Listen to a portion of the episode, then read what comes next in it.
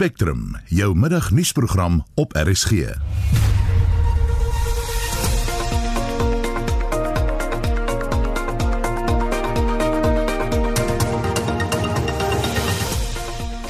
die programme kenner deel eh, sy mening met ons oor die inperkingstyd wat nie die COVID-19 kurwe help afplat nie.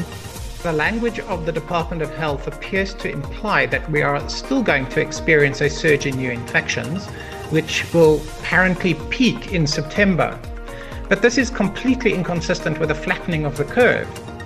Ons kry reaksie hierop van die Suid-Afrikaanse Mediese Vereniging en hoor meer oor hulle werk om die regering by te staan tydens die COVID-19 pandemie. Die Tshwane Metro beloof dat dienslewering nie onderbreek sal word te midde van die voortgesette regstryd oor wie die munisipaliteit moet regeer nie. Ons kyk ook na hoe die magstryd in Metro verder kan uitspeel te midde van die COVID-19 pandemie en Yoshi en LVDC skilpaaie ry steeds die hele wêreld vol.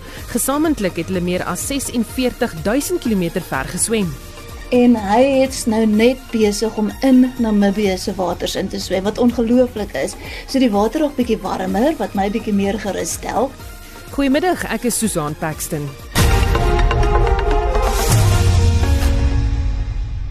Jy luister na Spectrum. Samesweringsteorieë oor die COVID-19 pandemie word wêreldwyd geskep en gedeel en Suid-Afrika is nie 'n uitsondering nie. Verskeie bronne meen dat die teorieë veral kop uitsteek wanneer daar heelwat onduidelikheid en onsekerheid is oor 'n bepaalde kwessie. 'n Voormalige ANC-LP en die land se ambassadeur aan Ierland, Melanie Verwoerd, skryf dat sy die afgelope paar weke met samesweringsteorieë gebombardeer is. Sy het ingestem met om met ons te praat daaroor. Goeiemôre Melanie. Goeiemiddag Susan. Wat is van hierdie teorie waarmee jy gekonfronteer is? Wel, jy weet, ek dink ons het hulle almal al gesien. As dit nou gaan wêreldwyd, dan gaan dit oor ehm um, dis die Chinese wat dit iewers in 'n laboratorium gemaak het of andersins die Amerikaners wat dit in 'n laboratorium gemaak het. Dit was Trump se manier om vir China onder beheer te hou. Miskien was dit China se manier om vir Trump onder beheer te hou. Of natuurlik Bill Gates, dis sy manier om regtig my wêrelddominasie te kry want hy sit eintlik op 'n patent van die van die ehm um, virus wat hy dan vir ons sal kan sal vir ons kan immunisasies nie maak.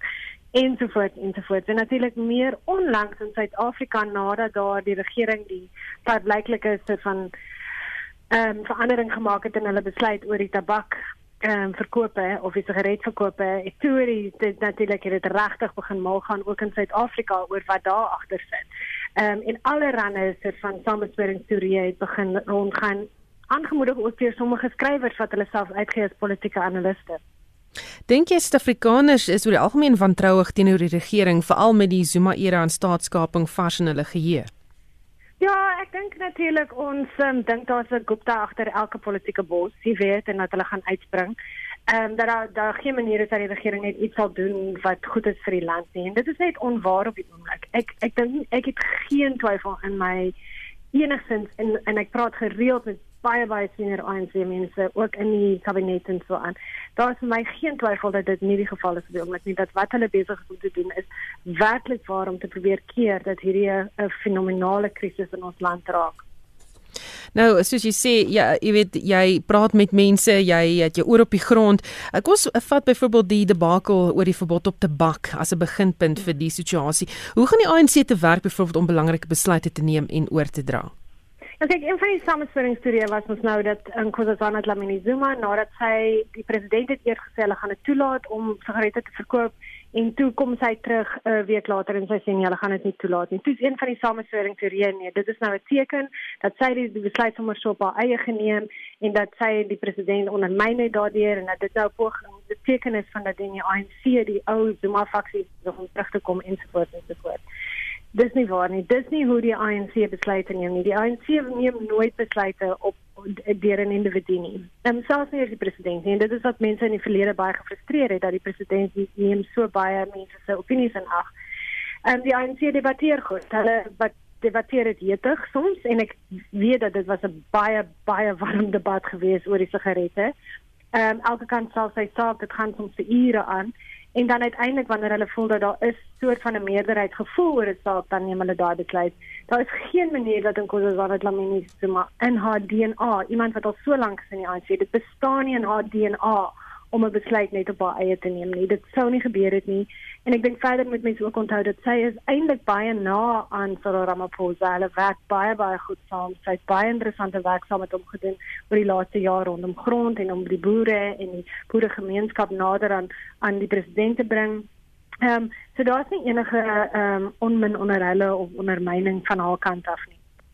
Dan het jy ook uh, vroeër geskryf, jy weet dat aantuigings teen Lamini Zuma dat sy kop uh, in een mis is met die slykhandel in sigarette is buitensporig. Mm. Uit jou ervaring met haar, hoekom sê jy so?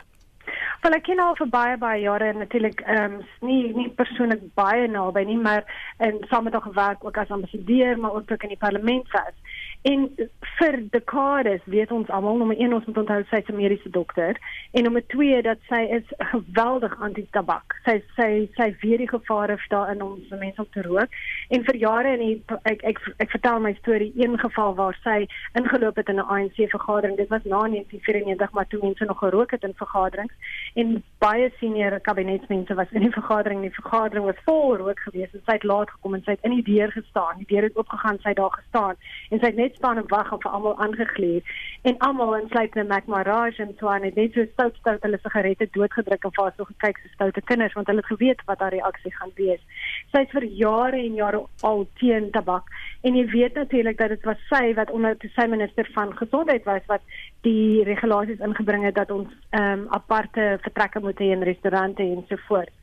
So om nou te wil voorgee dat sy eintlik hierdie besluit geneem het omdat sy in die sak is van onwettige sigarethandel of dat die sluithandel sluithandel daar dit is net lagwekkend. Ehm um, dit is net nie die geval nie. Natuurlik weet ons daar was mense in die ANC wat voordeel daar uitgetrek het, maar om regtig te wil voorgee op hierdie stadium dat mense soos Willem Kiese, Nkosazana Dlamini Zuma of enigiemand wat op daai ehm um, groep sit wat die besluite moet neem, sluit in die president dat hulle deur die sluithandel beïnvloed is om hierdie besluit te neem, is regtig lagwekkend. Enige raad aan die publiek wanneer dit kom by samesweringsteorieë? Wel, jy weet gebruik jou kop en dink wat is die meer logiese argument? Ehm um, as jy byvoorbeeld kyk in na Suid-Afrika op die oomblik, ons weet dat daar 2.5 tussen 2 miljoen en 2.5 miljoen mense wat nie op die oomblik uh, wat wat HIV positief is, maar wat nie enige medikasie daarvoor gebruik nie. In daai geval weet ons dat daar 'n geweldige hoeveelheid mense is wat gaan doodgaan as hulle wel hierdie ehm um, coronavirus of die COVID-19 virus gaan kry. Geweldige hoeveelheid. Die regering weet dit en dit is wat hulle bekommer. So dit maak meer sin dat dit die rede is as een of ander sameswering teorie. So my my my my raad is nommer 1 bly maar weg so ver as moontlik van sosiale media. Luister na die wetenskaplikes en nie na Kurt en Karen se Facebook nie. Ehm um, jy weet die wetenskaplikes is, is heel waarskynlik meer akkuraat as Kurt en Karen op Facebook.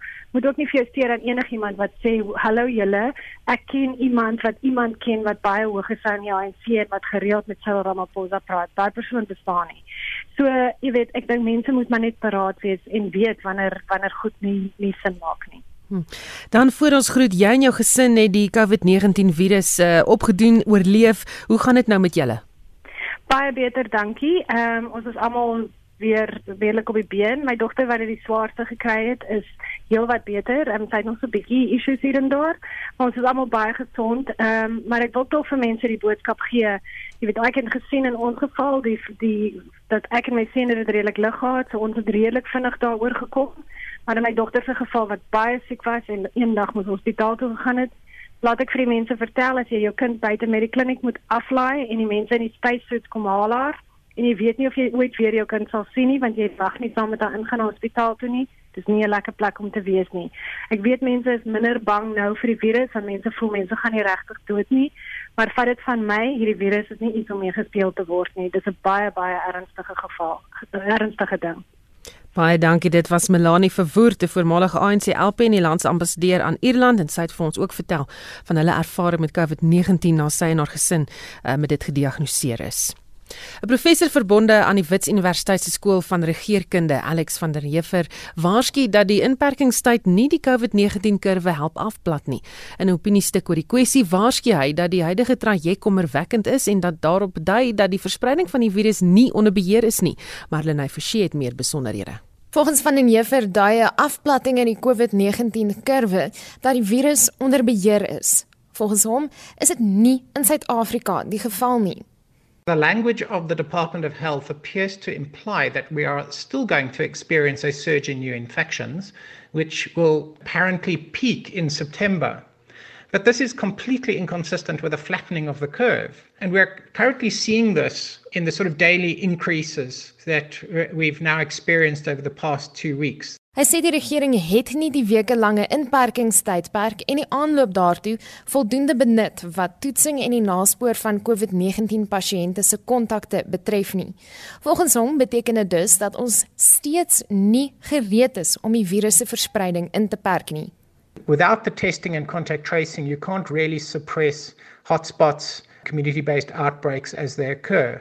And if we don't really have it at a sufficient scale, then the disease will actually escape our ability to control it. And my concern is that we may be losing the battle at this point because we did not scale up. And if we now see an increase in the epidemic going forward, it's not going to be because of some sort of growth, expected growth in the epidemic on some sort of model based curve. It will be because we lost control. Hy kritiseer nie al die regering se pogings nie, maar waarsku dat die inperkingstydperk nou 'n platform vir die verspreiding van agendas geword het.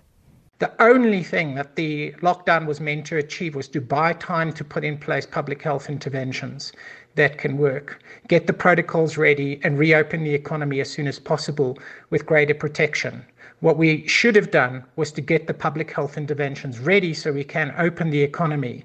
But now there appear to be other agendas in the lockdown process. And I think that this is essentially a perversion of the strategy of a responsible government. Volgens hom is dit krities dat toetse en die naspoor van COVID-19 pasiënte se kontakte drasties toeneem. So that you can have smart testing, a way in which you can target hotspots very rapidly, isolate them, deal with them, and move on to the next one. If we don't have that sort of strategy, we cannot manage this epidemic. Countries like South Korea, Singapore, Hong Kong, Taiwan, Germany, etc., manage the epidemic through testing and contact tracing. This is the only strategy that is consistent with keeping our economy open and also managing the epidemic, suppressing the epidemic at a relatively low level of overall infection. Dit was 'n professor verbonde aan die Wits Universiteit se skool van regeringskunde, Alex van den Heever. Ek's Marlene Forsiefer, SAK nuus. Ons bly by die storie en ons praat nou met Dr. Angelique Kutse van die Suid-Afrikaanse Mediese Vereniging. Goeiemiddag Angelique. Middag en 'n goeie middag aan al die luisteraars daar buite. Jy het nou gehoor eh, wat professor Alex van der Heever aan die Wits Sakeskool sê, die huidige tempo van toetse en die naspeur van kontakte vind hopeloos te stadig plaas, stem jy saam? Wel, dit is 'n baie moeilike situasie. Ehm um, ja, dit sou baie goed wees as ons meer ehm um, kontakte kan opspoor en ehm um, meer mense kan toets. Maar jy moet ons moet ook realisties wees en en weet dat ehm um, jy weet ek kan jou vandag toets en jy kan negatief toets op die toets en oormôre is jy positief en so die feit dat ek jou dan klaar getoets het en jy is negatief beteken ek beweeg aan en ek gaan na 'n volgende huis en 'n volgende huis toe. Ehm um, wat dit baie moeilik maak. Ook moet ons onthou dat hierdie sogenaamde toetsing waarvan ons nou praat, wat van deur tot deur gaan, is nie 'n fisiese toets waar ons 'n toets op jou doen nie. Dis eintlik 'n vraelys waarin daar sekere vrae gevra word en as jy op twee van hulle positief antwoord dan sal hierdie healthcare of of of tuisverpleeging mense wat um, uitgaan na jou toe vir jou dan aanbeveel om of jou dokter te gaan sien of na die hospitaal te gaan om te gaan kyk vir of daar enige verdere toetsing nodig is. So ons is besig met 'n screening proses waarin jy nie regtig fisies die die die die die die toets doen waar jy die die die die monster keel uitvat nie. Ek dink ons moet net daai eers net mooi te, onder mekaar begin verstaan. Ons in die eerste plek het ons nie ons het genoeg ehm um, toets, ons het ons ons het genoeg toets en uh, eh, stowwe om mee te toets. Wat ons is daar sulke kaartjies wat in hierdie uh, uh, uh, uh, masjiene gebruik word en daar is 'n wêreldwye tekort aan dit. So Suid-Afrika is besig om te kyk waar hulle uh, nog kan aankoop. So ons moet mooi gaan besluit wat ons nou met, met toetsing en en en, en van kontakte. Ook soos wat die mense meer en meer word wat aansteek, gaan dit al moeiliker en moeiliker word om mense uit te stuur om te gaan kyk waar gaan jy toets want dit word naderhand 'n logistiese probleem. En ehm um, ek dink op 'n stadium gaan dit net aanvaar word dat ons het wel die stryd verloor. Tans probeer hulle nog en dit is reg, ons moet probeer. Maar ons die dat die virus gaan aangaan? Ja, hy gaan aangaan. Wat dink julle van die regering se algehele hantering van die pandemie sover? Op op hierdie stadium die regering probeer baie hard, veral op nasionale vlak.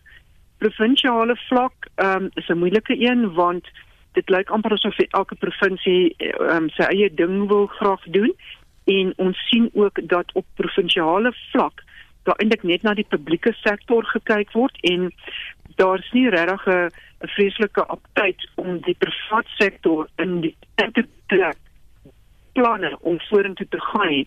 Angelique, kan ek jou daar nie rede val? Dit voel vir my of besig om daardie selfoonsein te verloor. Wil jy vir my 'n bietjie daar na links of na regs draai, dis net kyk of hy sterker wil wees nie. OK, kan jy my nou hoor? Ek hoor veel. Kom ons probeer om ekskuus kos gaan aan. Kom ons kyk, kan jy my nou beter hoor? Ja, daar's hy. Klink vir my nou reg. OK. Ons net staan dat die dat die regering op provinsiale asof hulle baie lus is om met die private praktyk saam te werk nie. Hmm. Goed dan, ehm um, volgens die jongste statistiek is daar nou 8232 gevalle landwyd en minstens 161 sterfes uh, sterftes. Is die syfers in lyn met julle verwagtinge? Ja, ehm um, ja. En met die verwagtinge. Dan ons kyk elke keer twee weke terug in die verlede, ehm um, as ons kyk na wie wie's nou positief met anders twee weke terug omtrent opgedoen. Ehm um, dit gaan nog baie meer ehm um, verhoog vorentoe. My my gevoel is net dat ek dink die mense daar buite is nou so geïrriteerd dat 160 mense wat oorlede is, is so druppel in die emmer en mense besef nie regtig want dit raak so min mense as jy gaan kyk dat mense nie regtig die erns hiervan besef nie en dit voel vir my so asof ons nou so half gedesensitiseerd is. Ons is, jy weet, ons hoor al hierdie goeters en ons hoor ons is oor die 8000, maar weet jy wat, die lewe moet ook maar aangaan en so gaan die mense nou maar aan. Ehm um, en dit gaan natuurlik die die getalle verhoog, maar dit gaan verhoog. Op watter kant toe ons daarna kyk, of die uitbraak nou in September gaan wees en of dit in Julie maand gaan wees, dit gaan dit gaan daar wees. Dit gaan amper deel van ons lewenstyl word. Baie dankie. Dit was Dr. Angelique Kutse van die Suid-Afrikaanse Mediese Vereniging. Die Johannesburg Metro het aangekondig dat hulle 'n betalingsvakansie aan inwoners in die stad bied. Die burgemeesterskomitee lid vir finansies, Jolidi Matongo, sê hulle verstaan mense is finansiëel in die knyp. We're looking at a comprehensive package of relief for the residents, including the companies that operate within the city of Johannesburg. Rates holiday is, is what we are looking at. A rates holiday doesn't mean that uh, what is owed will not be paid. It's just deferring the payment to a later date when people will then be able to pay the city what is due to the city. But we're also looking at um, debt rehabilitation program where some of the debt will have to be scrapped off because uh, it might be irrecoverable going forward. Matongo sê die skuld word nie afgeskryf nie, jy sal moet betaal later. Well, uh, if you owe us money, we ask you to pay us uh, if you are able to pay. If you are not able to pay, you've got to approach the city to make a payment arrangement. But as part of uh, the comprehensive program, we're also saying there might be those who are not going to be able to pay at all. So those need to be registered in the expanded social package so that we're able to give uh, free services for those who are unable to pay. But there must be demonstrable proof that they are unable to pay. En dit was die burgemeesterskomitee lid vir finansies in Johannesburg Metro, Jolidi Matongo. Die ALR vir samewerkende regering in Gauteng, Lebogang Maili sê dienslewering in die Tshwane Metro sal nie onderbreek word te midde van die voortgesette regstryd oor wie die munisipaliteit moet regeer nie. Die Hooggeregshof het die provinsiale regering se besluit om die Tshwane Metro Raad te ontbind tersyde gestel. Maili en premier David Makuro het vroeër vanjaar die Metro Raad ontbind en onder administrasie geplaas. Die DA het die saak egter voor die hof gebring waarna die Hooggeregshof in Pretoria verlede week in sy guns besluit het. En vir meer hieroor praat ons nou met 'n politieke wetenskaplike aan Universiteit Pretoria, Roland Henwood. Goeiemôre Roland. Goeiemôre Susan. Hoekom sien ons steeds soveel verdeeldheid in die Tshwane Metro? Dit is eenvoudig die gevolg van 2016 se plaaslike regeringsverkiesing waar nie een party 'n volstrekte meerderheid kon kry nie. Ehm um, ons sit met 'n DA wat so 43% van die stemme totale stemme gekry het, die ANC wat net oor die 41% gekry het en dan die EFF en 'n klomp ander kleiner partye wat bietjie van die stemme gekry het. So daar is nie 'n meerderheid nie en dit beteken dat as partye nie met mekaar saamwerk nie kan hulle nie besluite neem nie. Nou laat is die jongse hofbeslissing oor die saak moet die ANC en die EFF hulle verpligtinge in die metro nakom deur onder meer raadsvergaderings by te woon. Ehm um, dink jy hulle gaan luister? Wel, hulle hoef nie nou te luister nie want die feit dat uh, dat die ehm um, saak op appel geneem word beteken dat die status quo word gehandhaaf. So die raadslede gaan nie vergaderings bywoon lyk like dit my nie en gaan niks verder doen nie. En ek dink dit is die wesenlike probleem. Die politieke partye waarskynlik kyk na hulle eie situasie, kyk so bietjie vooruit na die volgende jaar se plaaslike regeringsverkiesing en wil nie nou toegewings maak wat in 'n verkiesingsveld teen hulle gebruik kan word nie. So ek dink dit pas die veral die oppositiepartye soos die EFF en die ANC om op die stadium eerder niks te doen nie as om gekompromiteer te word en gedwing te word om by besluite betrokke te wees wat hulle nie wil neem nie. Wat kan ons intussen lees in Maheli se hantering van die situasie? Ek dink daar's verskillende aspekte. Die een is dat die ehm um, provinsie wil betrokke wees in wat in Tshwane gebeur. Dis 'n ANC gedomeineerde provinsiale um, regering en hulle het 'n gevestigde belang in wat in die Tshwane metropool gebeur hulle wil nie aanvaar dat hulle 'n fout maak en die hofuitspraak aanvaar nie. Die hofuitspraak was redelik krities teenoor die provinsie en die premier oor hulle hantering van Tshwane, sover so dat 'n kostebevel in die guns van die DA gemaak is in hierdie hofsaak. En ek dink dit sê al klaar vir mense in watter mate die hof hierdie proses beskou. Maar ek dink daar's 'n tweede dimensie aan dis die politieke dimensie. My indruk is dat die EFF en die ANC kan eenvoudig nie tot 'n vergelyk kom oor die pad vorentoe nie. En eerder as om nou met die DA saam te werk, maak hulle dit net onmoontlik vir enigiemand om in Tshwane besluite te neem en op dië manier dwing hulle dan die ingryping van die provinsiale regering af. Hy het beloof dat dienslewering nie deur die politieke striwelinge geraak gaan word nie, stem jy saam? Nee, dienslewering word geraak, dienslewering is geraak tot nou toe en ja, die COVID-19 ehm um, hantering en beperkende maatreëls dink ek verskuil baie van dit wat 'n mens dalk sou gesien het indien normale aktiwiteite aangegaan het maar daar's nie 'n kwessie dat dienslewering geraak word nie en daar's ook nie 'n kwessie die politieke rolspelers nie so dit is ongetwyfeld nie 'n goeie situasie vir Tswane nie Kom ons uh, gee tree terug en kyk na Gauteng as geheel. Hoe lyk die ANC se leierskapsposisie in die provinsie?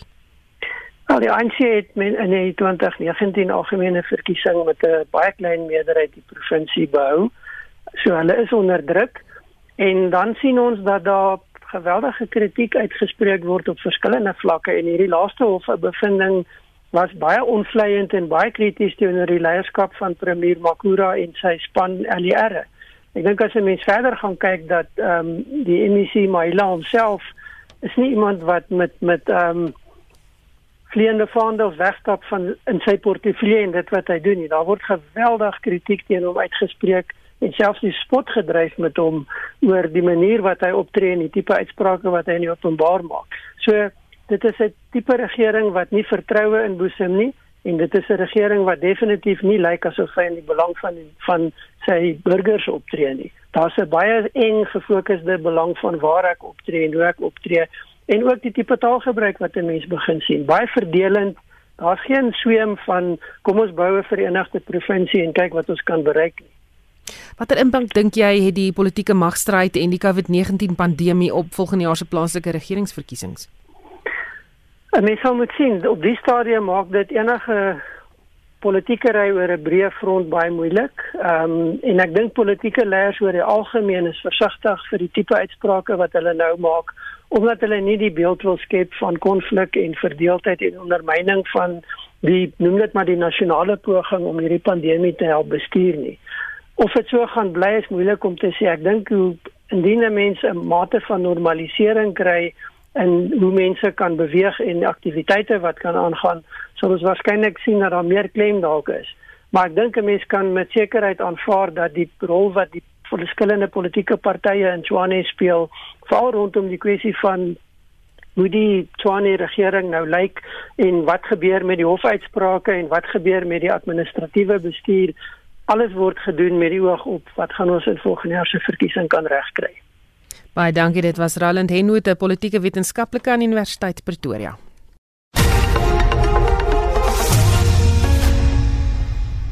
So 1334 jy luister na Spectrum nuwe regulasies wat gister in die Staatskoerant gepubliseer is maak dit moontlik vir mense om te trek tydens die inperking.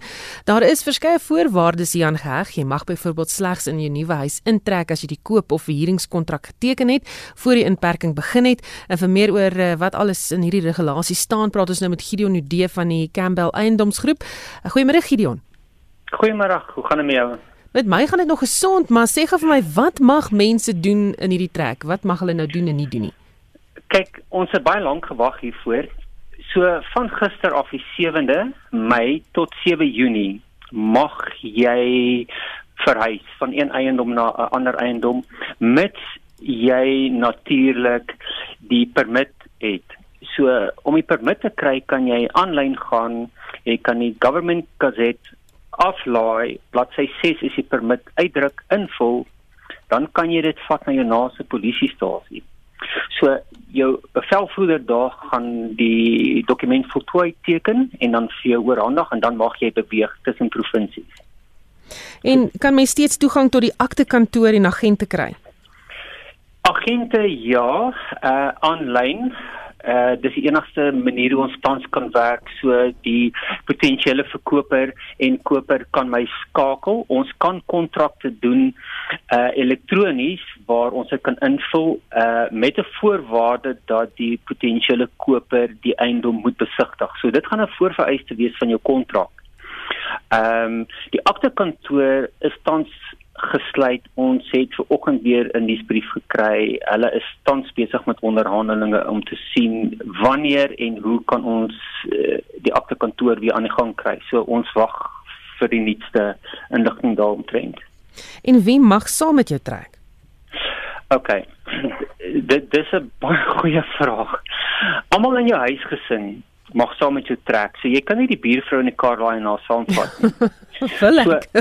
Almal almal in jou huisgesin moet dan ook natuurlik bewys hê van identiteitsdokumente. Is daar nie is nie 'n uh, geboortesertifikaat. So dis die ouens wat saam met jou mag trek.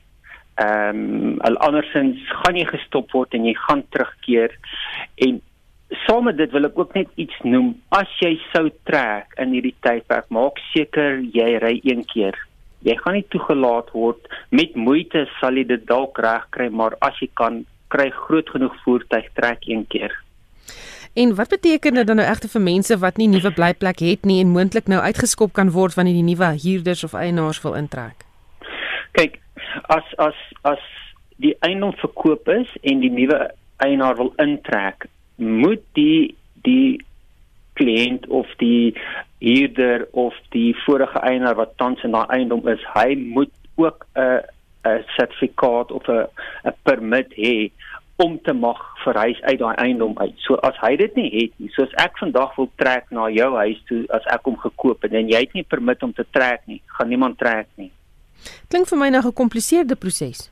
Dit is nog so dis ek kom ek sê die ouens gaan aanlyn trek die ehm um, government gazette van gister af. Lees die ding en verstaan wat daarin geskryf is. Andersins gaan jy 'n probleem hê as jy die trok gelaai het en jy wil ry dan gaan hulle jou stop en terugstuur en dan gaan jy in in die in die veld moet slaap want dan kan jy nie in die volgende eiendom ingaan nie want dan sal jy waarskynlik 'n volgende ou wat reeds ingekom het Baie dankie. Dit was Gideon Odee van uh, Campbell Property Group in Sibaya, KwaZulu-Natal.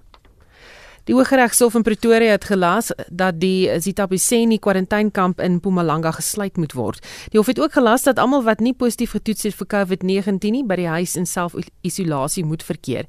Dit volg na klagtes van mense wat in die kamp geplaas is en die haglike omstandighede wat daar geheers het.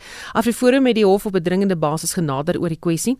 Monique Taute, veldtogbesieder, sê alle kwarantainepersele moet op die standaarde van die Wêreldgesondheidsorganisasie bedryf word.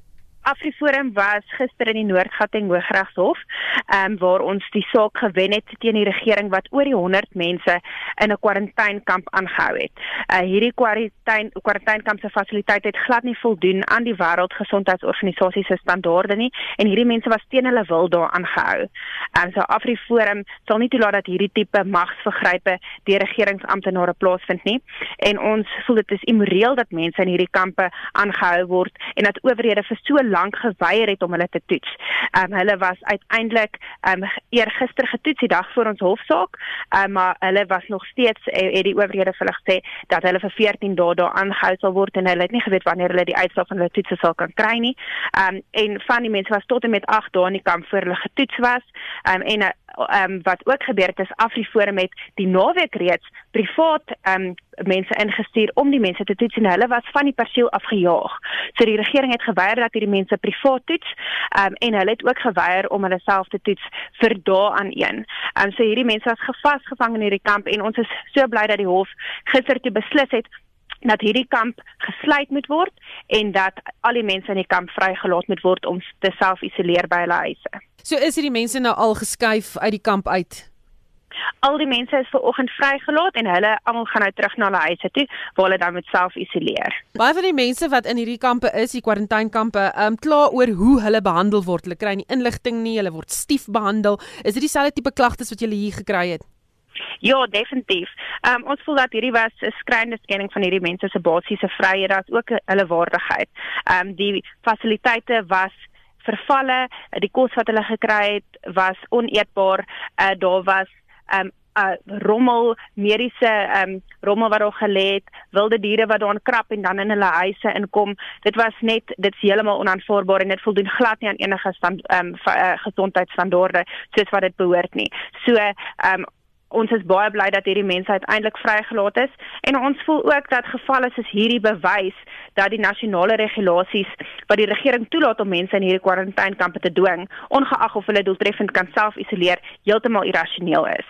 Uh, dit kom neer op 'n skending van mense se vryhede en waardighede um, die waardigheid van mense en dit kom neer op maatreëls wat op geen wyse in enige demokratiese land um, verantwoordbaar is nie. Het julle klagtes gekry van ander van hierdie kwarantainpersele en hoe dit daar gaan? Um, ons wil die publiek aanmoedig indien hulle weet van iemand of self in die moeilikheid kom en vasgevang is in 'n kwarantainekamp soos hierdie een, hulle welkom om Afriforum te kontak. Um, ons sal dieselfde regsroete stap vir hulle ook. Um, op die oomblik weet ons net van hierdie kwarantainekamp, maar ons weet ook dat daar um, soos in KwaZulu-Natal was daar sprake dat hulle alle mense wil wat positief toets wil in vas ehm um, kwarantainefasiliteite sit. Afriforum sê nee. Dit is teen mense se basiese vryhede en ons sal dit nie toelaat nie. Ehm um, ons het toe dit aangekondig was, het ons 'n brief geskryf vir die regering en hulle het net so omgedraai. Ehm um, so ons beplan ook om die nasionale regulasies aan te vat, want ons voel net dat hierdie heeltemal onaanvaarbaar is en dit is 'n skending op mense se basiese regte. En dit was Monitate veldtogbestuurder van Afriforum.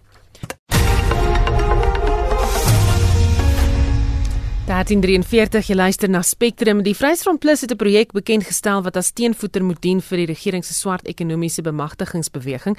Dit staan bekend as Stop BEE projek tesame met die huidige benadeelde besigheidsfonds of fonds of HBB of HBB fonds. Daar's al die B's en E's. Die projek behels onder andere 'n fonds wat hulp bied aan klein sakeondernemings wat weens SEB vereistes nie staatshulp ontvang nie. En ons praat nou met die leier van die Vryheidsfront Plus, Dr Pieter Groenewald. Goeiemôre Pieter. Goeiemôre Susan. Vertel ons wat julle met die uh, projek beoog. Wat ons beoog met die projek is presies soos wat jy nou gesê het, dat ons het nou gesien dat die regering het na vore getree en die hulppakkette wat hulle dan aangebied het om besighede te kan help in hierdie krisistyd, het hulle gesê daardie besighede moet ook voldoen aan swart ekonomiese bemagtiging. Ons weet daar selfs hofsaake oor die aangeleentheid. Die Vryheidsfront Plus sê dit is totaal onaanvaarbaar dit is heeltemal onregverdig en as jy gaan kyk dan is dit veral eenman sake wat 'n groot krisis het. Hulle is nie soos groot besighede en maatskappye wat kan oorleef met hulle finansies nie. Hulle is absoluut afhanklik ook om hulp te hê en hulle word nou uitgesluit. Want in die eerste plek is daar bitter min swart uh, of kan ek sê eenman sake wat kan voldoen aan swart ekonomiese bemagtiging.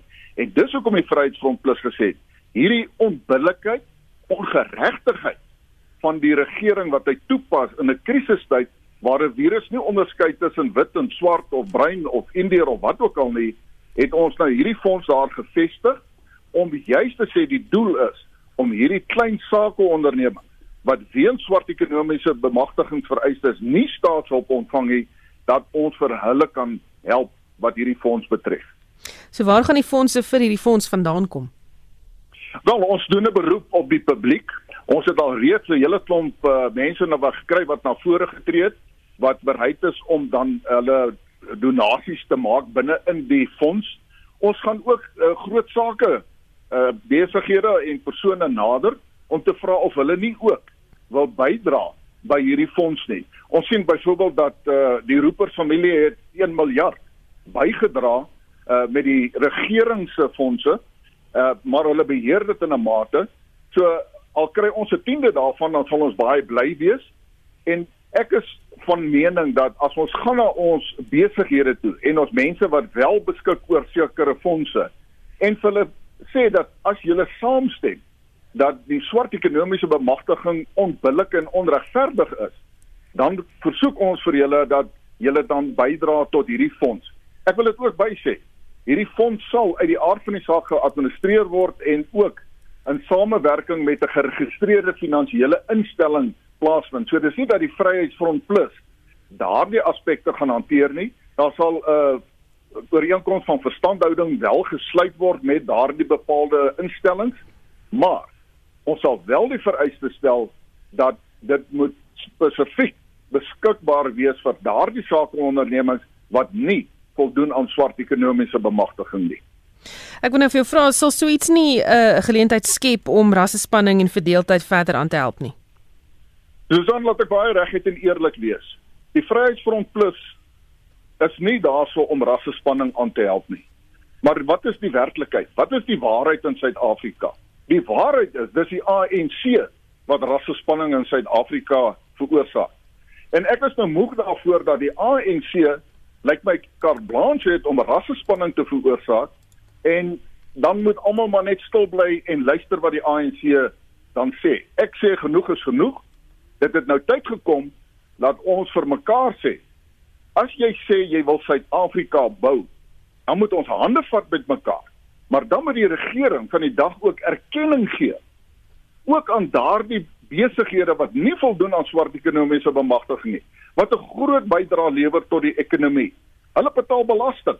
Hulle betaal BTW met ander woorde hulle help die ekonomie bou en dat 'n regering wat na vore tree en Suid-Afrika die enigste land in die wêreld maak waar hulp aan die COVID-19 lande gegee word dit op 'n rassegrondslag wil verdeel.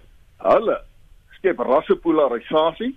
Ons wil nie ons opsleeptou laat neem om te sê ons gaan nou verdere rasse uh, polarisasie veroorsaak nie. Nee, ons sê, nou maar goed, as jy ons nie wil help nie, dan sal ons ander planne maak. Ons sal hande vat en ons sal dan sorg vir daardie benadeeldes en dis hoekom die fonds dan ook beskend staan as uh, die HBB fonds. Dit staan vir huidige benadeelde besighede se fonds. Want weens die regering se toepassing van swart ekonomiese bemagtiging is daar nou huidige uh, uh benadeelde besighede wat nie gehelp kan word nie en is ongelukkig alweer verstaan het, maar dit was die leier van die Vryheidsfront Plus Dr Pieter Groenewald. Terwyl die hele wêreld in 'n staat van inperking verkeer, reis Yoshi en Elvi die seeskilpad steeds die hele wêreld vol. Yoshi, die karetskilpad, het reeds meer as 40000 km ver geswem sedert sy hier aan die Suid-Afrikaanse kus vrygelaat is. Elvi, die groen seeskilpad, het reeds meer as 6000 km afgelê sedert November verlede jaar. Die bestuurshoof van die opvoedkundige stigting by die Twee Oseane Aquarium, Marike Musan, sê dit wil voorkom of Elvi gereed is om uit Suid-Afrikaanse gebiedswater te begin beweeg. Ag, alwees absolute dierbare groen seeskilpaadjie en ons het hom in November vrygelaat na jaar se rehabilitasie want alwie het 'n plastieksak ingesluk. So hy's amper dood as gevolg van hierdie plastieksak wat in sy keel vasgesit het. So toe ons hom vrylaat het, hy sommer dadelik Weskus opgeswem. Wat vir my vreemd bly, want die water is mos bietjie koud daar. Maar dis nou al die tweede keer wat 'n groen seeskilpad soos Elandsbaai, Sint Helena, Paternoster, daai areas uithang. So iets iets vir hulle is lekker. Weskus is mos Weskus. So hulle hulle gaan Weskus toe. Maar die laaste maand het hy skielik weet op begin swem van bietjie bietjie meer diepsee toe en hy het nou net besig om in Namibië se waters in te swem wat ongelooflik is. So die water raak bietjie warmer wat my bietjie meer gerus stel.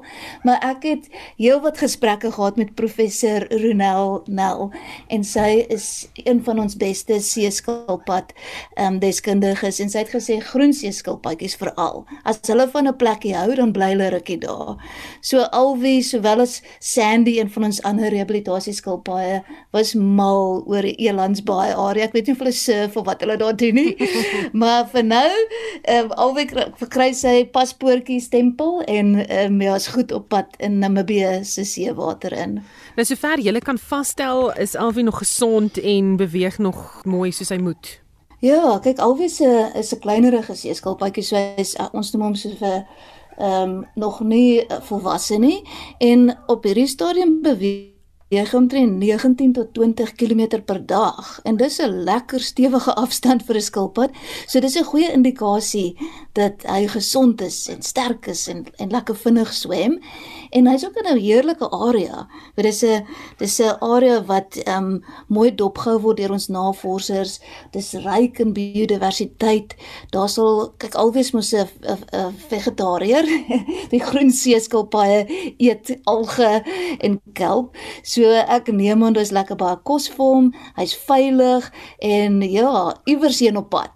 Groen seeskilpaaie skilpaaie kry die hele wêreld vol. So hy is op sy roete en op 'n toer en dit is heerlik om hom dop te hou, maar ek is so beïndruk met hoe hy gesond geraak het en hoe goed hy nou doen weer terug in die see. Dis net wonderlik. 'n Mooi rehabilitasie storie. Dan Yoshi swem nog verder. Waar trek Yoshi tans? Ja. Ja, Yoshi is ons wêreldkampioen en sy is nog steeds aan die Australiese kus. So sy's in 'n baie heerlike area. Dit is baie afgeleë. Dit is 'n marinepark, so sy's ook baie veilig en die area, dis die 80 myl strand. En daar's Jy weet daar's omtrent nie baie, mense kan omtrent nie die uitkom nie. En maar daar's baie lekker kos. Dis 'n wonderlike plek. Daar's baie ander seeskilpaaie ook en van ander spesies. So Yoshi is ongelooflik. Sy kies hierdie wonderlike plek plek om te besoek waar daar baie kos is want sy hou mos maar baie van eet. En ja, dis nou amper 40000 km. Ehm um, net so oor die 2 ons ons ons raak nou in 2 en 'n half jaar amper wat sy terug is in die see en sy hou net aan om ons te beïndruk. So sy's 'n soos ek sê 'n wêreldkampioen Ehm um, almal almal is bewus van Yoshi se se wonderlike wêreldtoer. Sy inspireer mense om net meer om te gee oor die see en meer geïnteresseerd te wees. En ja, hierdie hierdie toer van haar, hierdie kilometers wat sy al geswem het, is net ongelooflik. Dis oor die 45 km per dag, nou al vir 2 en 'n half jaar amperkies. So dis weet meer as 'n maraton se swem elke liewe dag. Dis net wonderlik. Vertel net gou-gou weer vir ons, jy weet, wat se tipe skilpad is Yoshi en wat het met Yoshi gebeur? Ja, Yoshi is 'n karet skilpad en ehm um, hulle kom ook wêreldwyd voor, maar dit karet skilpaaie en die leerig skilpaaie teel hier aan die Suid-Afrikaanse Noordkus in Natal en Mosambiek rond, waar die groen skilpadjies teel nie aan ons kuslyn nie. En in 1997 het 'n Japaneese visvangboot ehm um, weet in Kaapstad hawe aangekom en die akwarium gekontak en gesê hulle het hierdie skilpadjie aan boord. En en sy het 'n wondjie aan die kant van haar dop en hulle wil graag hê ons moet die, weet haar oorneem. Hulle het haar opgepas. Hulle was wonderlik eintlik. Weet hulle het 'n swembytjie aan boord gehad en het hulle gevoer en alles dit. En hulle het vir die naam gegee. So Yashi kom eintlik van die naam Yashi Taro en dit was die kok op die boot se naam want hy was so klein mannetjie gewees en Yashi was hierdie klein skilpadjie. So die akwarium het op daai stadium nie intensie gehad om seeskilpaaie te hou nie, want jy weet hulle het baie spasie nodig en hulle het mos maar skerp skerp bekkie en skerp kloue, so hulle krap nog al die vensters in die tanke. Maar ag, hierdie skilpaadjie was te oulik en ons wou haar natuurlik monitor. En sy het verskriklik goed aangepas in die akwarium. In feite ons het haar genoem die koningin van die akwarium. Jy weet sy sy was al die leier uh, van al die diere en 'n ongelooflike persoonlikheid en sy was veilig by die akwarium. Jy weet eintlik miskien 1 of dalk 2 uit elke 1000 karetskilpadjies oorleef totdat hulle nou volwasse is en kan voortplant. So so haar kanse was omtrent 100% op oorlewing hier in die akwarium en sy's 'n ongelooflike ambassadeur en die personeel het verskriklik baie by haar geleer oor hoe om vir seeskilpaaie op te pas. En dit was die bestuurshoof van die opvoedkundige stigting by die Two Oceans Aquarium, Marika Musan. Die Mzananda Dierekliniek in Khayelitsha is eergister deur 'n groep mans beroof. Die woordvoerder van die kliniek, Marcel Du Plessis, sê nie net plaas die COVID-19 pandemie druk op hulle werksaamhede nie, maar nou vrees almal daar vir hulle lewens.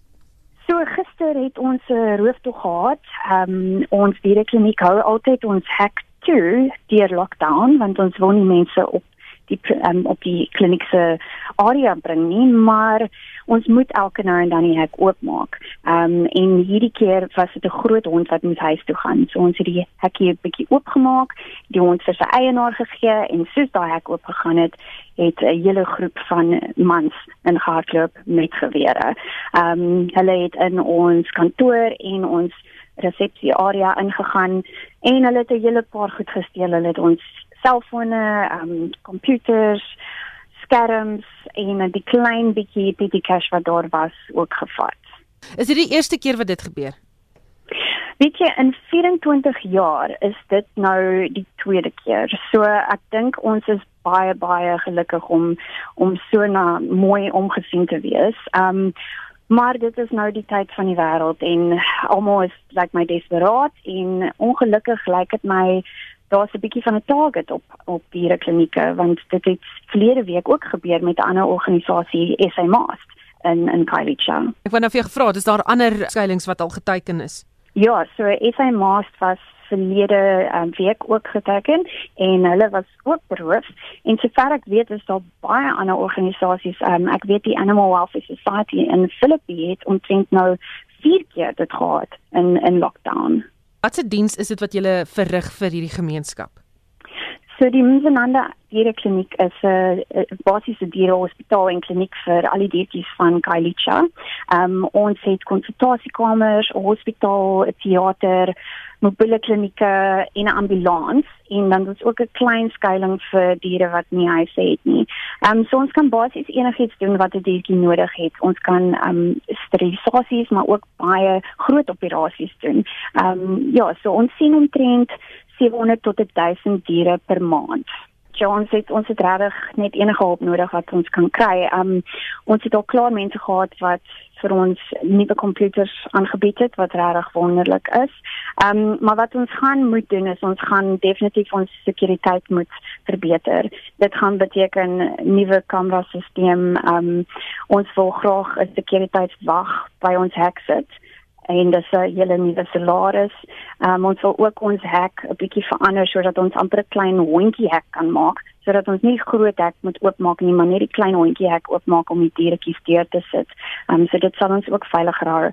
So al daai goed gaan ons baie geld kos om te doen. Dit was die woordvoerder van die Zananda Dierekliniek Marcel Du Plessis. 'n Amptelike vakansiedag is vandag in Berlyn, Duitsland ingestel om die einde van die Tweede Wêreldoorlog en die bevryding van die Nazi-bewind te gedenk.